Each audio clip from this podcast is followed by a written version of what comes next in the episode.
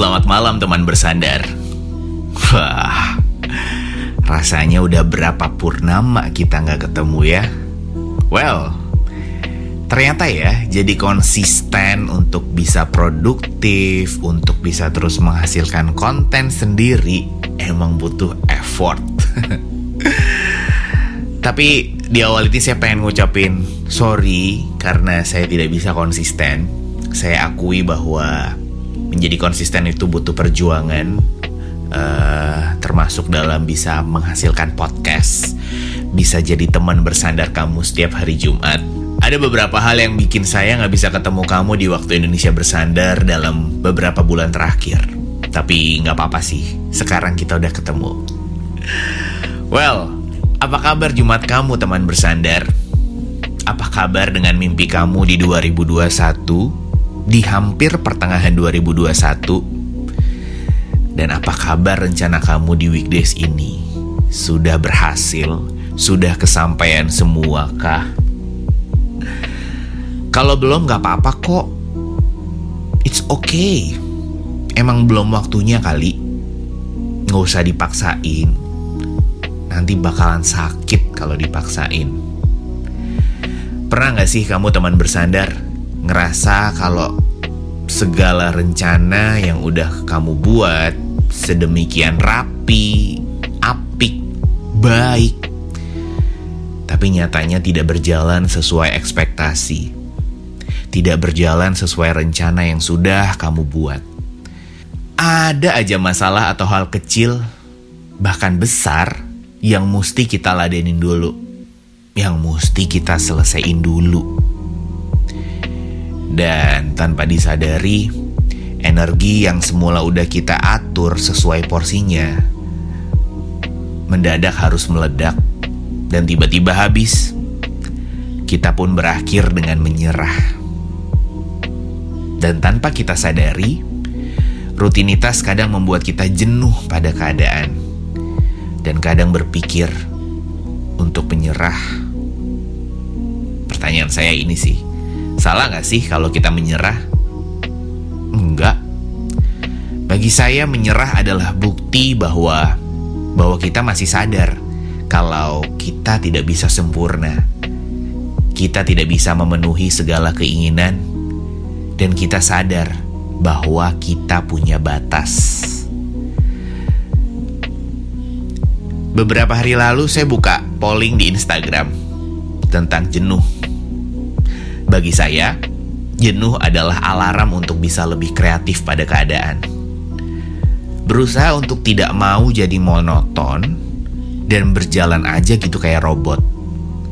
Penting loh bagi kita membuat target dalam hidup. Target yang benar-benar bikin kamu happy buat dijalani. Bukan karena demi orang lain happy. Jangan dipaksain deh sekali lagi. Yang tahu limit kemampuan kamu adalah kamu sendiri.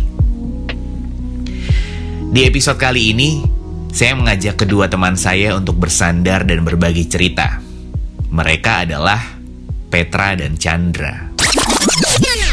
Kalau bisa dibilang menyerah, ya pasti pernah ya. Tapi bukan berarti yang menyerah benar-benar menyerah kayak gue pasrah gitu tapi gue lebih sekarang tuh lebih berkonsep adalah bukan bukan pasrah ya tapi lebih ke berserah gitu. Ini bukan yang gue agak-agak sok religius ya karena ya is the point karena kan uh, gue pernah nonton juga kan ya maksud itu podcastnya si Najwa Sihab ya. Maksudnya manusia ini kan memang makhluk sosial diciptakan gitu jadi memang nggak bakal bisa hidup sendiri gitu. Karena itu memang udah di direncanakannya seperti itu. Jadi lu nggak bisa hidup sendiri gitu. Dan butuh memang namanya support system gitu. Uh, dan uh, jangan berpikir bahwa lu yang harus di invite gitu. Uh, lu pun harus aktif mencari support systemnya itu gitu. Kalau gue sendiri gimana sih gue uh, menghadapi lah struggle-struggle dalam kehidupan gitu. Entah dari pekerjaan percintaan atau mungkin pertanyaan-pertanyaan perbandingan-perbandingan apalagi kalau acara-acara Chinese yang Casinci atau apa pun itu gue udah paling malas tuh menghadiri acara ritual itu gitu. Cuman uh, so far di memang di dua tahun terakhir ini yang memang meskipun gue menghadapi masa-masa itu cuman sekarang gue udah cukup lumayan. Gue ngerasa menilai diri gue sendiri ya udah cukup bijak dan uh, bisa menerima kondisi gue yang pertama adalah lebih ke penerimaan diri sendiri sih. Maksudnya kondisi gue itu sekarang apa? Kayak gimana? Dan gue harus melakukan apa gitu. Gue kayak ngelihat lagi nih to do list lagi gitu. Apa sih yang ingin gue kejar gitu? Maksudnya targetnya apa gitu? Uh, terus kalau sama gue flashback juga ke belakang. Apa sih yang udah gue capai dan sampai ke titik sekarang gitu? Itu yang kayak ya sebenarnya bukannya kita nggak bukannya dia mengajak gue bukannya bilang bahwa uh, lu jangan lihat ke belakang. Maksudnya kan ada berprinsip orang lu jangan lihat ke belakang lah move on lihat ke belakang. Tapi kalau gue berprinsip uh, sesekali kita harus melihat ke belakang gitu. Jadi biar tahu nih kita sampai sekarang sejauh sekarang di posisi sekarang itu ya pasti karena masalah dan proses yang ada di belakang kita gitu. Nah itu setelah itu baru gue mikirin lagi nih uh, untuk mencapai atau tujuan gue itu gimana caranya gitu. Kalau misalkan gue pikir-pikir ya gue sih emang udah cuti terus gue udah mencoba untuk cari pekerjaan baru atau even gue mencoba untuk slow down. Jadi terserahlah uh, mau dituntut segimana gue akan kasih segini karena kemampuan gue cuma segini. Kalau di atas itu gue bakal meledak nih itu gue udah di titik yang nggak pengen lagi di sini udah capek udah bosen dealing sama orang yang ini ini aja. Itu sih gue udah coba lakuin cuman sometimes gue berpikir bahwa uh, kalaupun misalkan kita berpindah ke tempat lain itu kan akan ada resiko bahwa uh, mungkin challenge-nya lain. Mungkin yang bikin jenuh itu mungkin nanti berbeda. Tapi tetap aja menurut gue akan ada potensi ya kita ya akan arrive in the same situation gitu. Jenuh ini kan uh, cuman mungkin triggernya beda aja gitu. Tanpa kita sadari, terkadang diri kitalah yang membuat beban itu sendiri. Pikiran, ekspektasi, mindset yang kita bangun, dan akhirnya membuat kita pusing dan lelah sendiri. Karena apa? Karena kita pengen semuanya tampak bagus dan sempurna. Bukan kita ya, tapi ekspektasi orang lain terhadap kita yang terlalu tinggi. Terus pertanyaan saya adalah, kita bisa atur ekspektasi itu? I mean, ekspektasi orang lain. Apa kita bisa atur pola pikir orang terhadap apa yang kita kerjain? Terhadap apa yang menjadi karya kita? No. Di awal bulan puasa, ada teman saya bilang gini ke saya. Ya, kamu gak selamanya bisa menuhin apa maunya orang. Kamu bukan dewa. Kalau terus-terusan diturutin, kamunya bakal capek sendiri. Kadang kita terlalu sering menyalahkan orang lain, menyalahkan kondisi, tapi kita lupa kalau satu-satunya yang bisa kita perbaiki dan kita atur adalah diri kita sendiri kita berusaha mengatur kondisi dan orang lain dengan cara mengkomunikasikannya. Yes, aku setuju. But, keputusan untuk berubah dan menjadi selaras sesuai dengan ekspektasi kita. Bagi saya, itu balik lagi sih ke keputusan dari orang atau kondisi tersebut. Mau berubah apa enggak? Uh, karena gue nggak merasa apa sih yang sebenarnya kehidupan ini offers ke kita gitu karena gue melihat gue sendiri dan kemudian teman-teman gue terus saudara-saudara gue itu kayak patternnya sama aja gitu. Kita sekolah terus dan ini banyak banget di maksudnya disuarakan ya sama orang-orang lain juga kita sekolah. Habis itu kita berlomba mendapatkan tempat kerja yang paling baik dengan gaji yang paling besar yang bisa kita dapat. Kemudian for some people mungkin menikah punya anak. And then what gitu? Mungkin untuk beberapa orang uh, menjadi seorang orang tua gitu itu adalah one of their goal one of their dreams. Makanya ketika mereka menikah mereka punya anak itu life matters for them. Karena ada orang-orang yang mereka perjuangkan mungkin ya yang tapi kalau gue kebetulan kan gue nggak tertarik juga uh, untuk mempunyai kehidupan seperti itu. Jadi dan kan kalau gue mau tetap hidup gue harus bekerja dong untuk membiayai diri sendiri ya kan? Kebetulan gue bukan anaknya Soeharto atau siapa pun yang bisa tujuh turunan nggak nggak harus khawatir. Jadi uh, dengan kerja ini gue agak mungkin terjebak antara antara gue hidup untuk bekerja atau gue sebenarnya bekerja buat hidup gitu. Dan gue masih belum bisa untuk finding balance di dua hal ini. Itu mungkin yang bikin gue jenuh karena kayak gue ngerasa kok hidup gue gini-gini aja ya kok hidup gue nggak nggak ada something yang bikin gue excited something yang bikin gue merasa yang bikin gue menanti hari esok gitu kan. Kan orang selalu takut duh gue takut mati gue uh, let's use this time wisely karena kita belum tahu apakah besok kita masih bisa buka mata atau enggak. Cuman itu dia gue masih struggle untuk mencari apa sih yang bikin gue excited untuk waking up tomorrow gitu. Dulu mungkin dulu dulu mungkin yang uh, dulu dulu yang memang kalau dulu ya sebelum 2000 eh 2020 sebelumnya lah ya gue penganut yang gue memang ngelihat dari orang lain. Mungkin dari faktor orang tua kali ya. Jadi orang tua pengennya apa terus orang di sekitar gue maunya apa gue tipe yang penganut seperti itu. Jadi standar gue keberhasilan gue itu dilihat dari memang uh, eh, gue punya apa tuh dari orang lain. Jadi istilahnya gue bisa gini-gini ya karena memang dari uh, gesekan dari orang tua dan lingkungan. Tapi 2021 makanya gue udah bisa berdamai dengan diri gue sendiri nih gitu.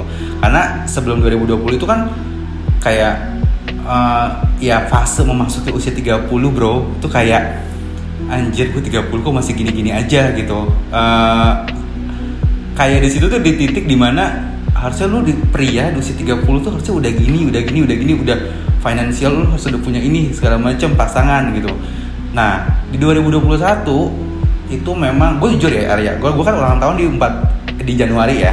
Ya gue memasuki ulang tahun gue yang ke 30 gue nggak happy. Itu itu itu pertama kali gue merasakan gue ulang tahun gak happy. Karena ya gue ngerasa hidup gue gini-gini aja gitu. Di tiga usia 30 tuh gagal gitu. Bukan gagal ya tapi lebih kayak kurang wow lah gitu. Nah tapi memasuki udah kayak akhir gue melewati terus juga gue banyak waktu itu gue lebih banyak ini sih berdiam diri dan berintrospeksi diri dan lebih banyak kayak uh, meditasi dan lebih banyak doa juga kencengin doa ya gitu. Nah gue sekarang ini memang uh, lebih banyak kayak ini adalah kebahagiaan gue sendiri gitu. Maksudnya gue udah nggak tergantung dengan omongan maksudnya bukan omongan orang tua yang gimana ya kalau yang bagus ya gue akan dengerin. Tapi lebih ke uh, lu harusnya lu harusnya udah punya pasangan lu sudah merit nih gitu. Waktu itu kan keberhasilan gue gue bisa dikatakan berhasil itu dari omongan orang uh, terutama orang tua lingkungan dan teman gitu. Tapi menjelang memang di bulan Februari 2021 gue udah nggak berkonsep seperti itu dan tidak berpikir seperti itu sih jadi karena kembali lagi kebahagiaan gue ya kebahagiaan gue bukan kebahagiaan mereka gitu. Akhir-akhir ini saya sering banget ngulang salah satu lagu dari Yura Yunita. Gak tau deh, kamu udah pernah denger ini belum teman bersandar? Judulnya adalah Tenang. Coba deh kamu dengerin. Lagu ini bagi saya itu ibarat obat bagi kita yang merasa cemas, gelisah, resah akan banyak hal yang sudah kita lalui, akan banyak hal yang sudah kita buat atau sedang kita buat. Dan saya rasa kita rindu akan ketenangan. Kita rindu untuk bersandar sejenak dan mencoba dekat sama Dia yang sudah mengatur segalanya. Ingat, kalau kamu lelah, kamu butuh rehat, bukan kuat atau menjadi lebih kuat. Buat terus bekerja atau berlari secepat orang-orang inginkan.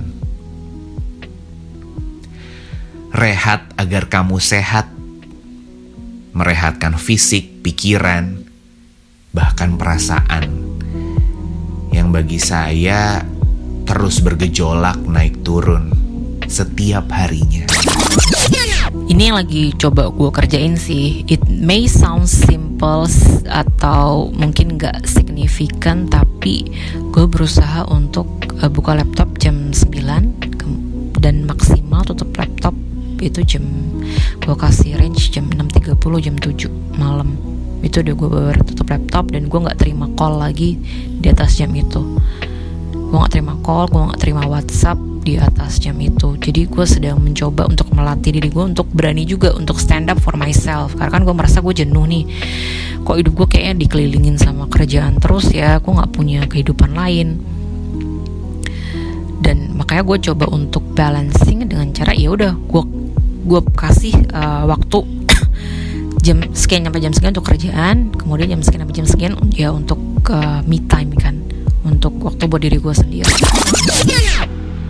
Gue mungkin bu, gue bukan kepedean ya gue menganggap gue 90% kali area karena kenapa kenapa gue bisa bilang kayak gitu? Uh, ya makanya kembali lagi gue tipe yang memang Eh, nggak uh, hanya melihat ke depan tapi gue melihat ke belakang. Dengan kita melihat ke belakang kan kita, kita jadi bersyukur kan gitu. Kayak flashback nih. Karena gue percaya gitu setiap masalah yang kita hadapi entah memang itu nanti kita jadi pemenang atau jadi pecundang itu pasti akan dapat uh, something pembelajaran yang kita bisa pakai nanti di kehidupan selanjutnya. Itu jadi ya gue gua ngerasa gue udah bisa survive sekarang. Ya salah satu contohnya adalah gue dulu gue kuliah gue pakai uang gue sendiri gitu. Yang memang tanpa uh, gue tidak meminta dengan orang tua gue gitu. Jadi uh, istilahnya waktu itu bokap gue ada ya istilahnya bisa dibilang kena PHK lah gitu. Gue sampai nggak bisa kuliah gitu. Dan akhirnya gue bisa survive gue bisa kuliah gue bisa pak gue membiayai gue diri gue sendiri gitu uh, kuliah. Dan sampai setitik sampai setitik ini gitu gue bisa menjalani dan gue akhirnya jadi tulang punggung sama adik gue itu menurut gue adalah hasil kerja keras dan memang ya kalau waktu itu gue mengeluh gitu. Oh Tuhan kenapa ya gue begini? Oh Tuhan kenapa ya gue begini? Cuman ya gue belajar dari situ adalah uh, lu nggak bisa menyerah tapi lu harus berserah. Yang di mana kalau lu berserah uh, berserah berusaha berdoa Tuhan pasti akan kasih jalan kok gitu. Lebih ke situ sih ar. Maksudnya kalau makanya gue tuh nggak mau ada ada dalam diri gue itu adalah menyerah tapi berserah. Beda ya konteksnya pengertiannya antara menyerah dan berserah so teman bersandar. Terkadang mengalah bukanlah masalah. Tidak selalu menang adalah hal lumrah loh. Beristirahatlah kalau kamu lelah.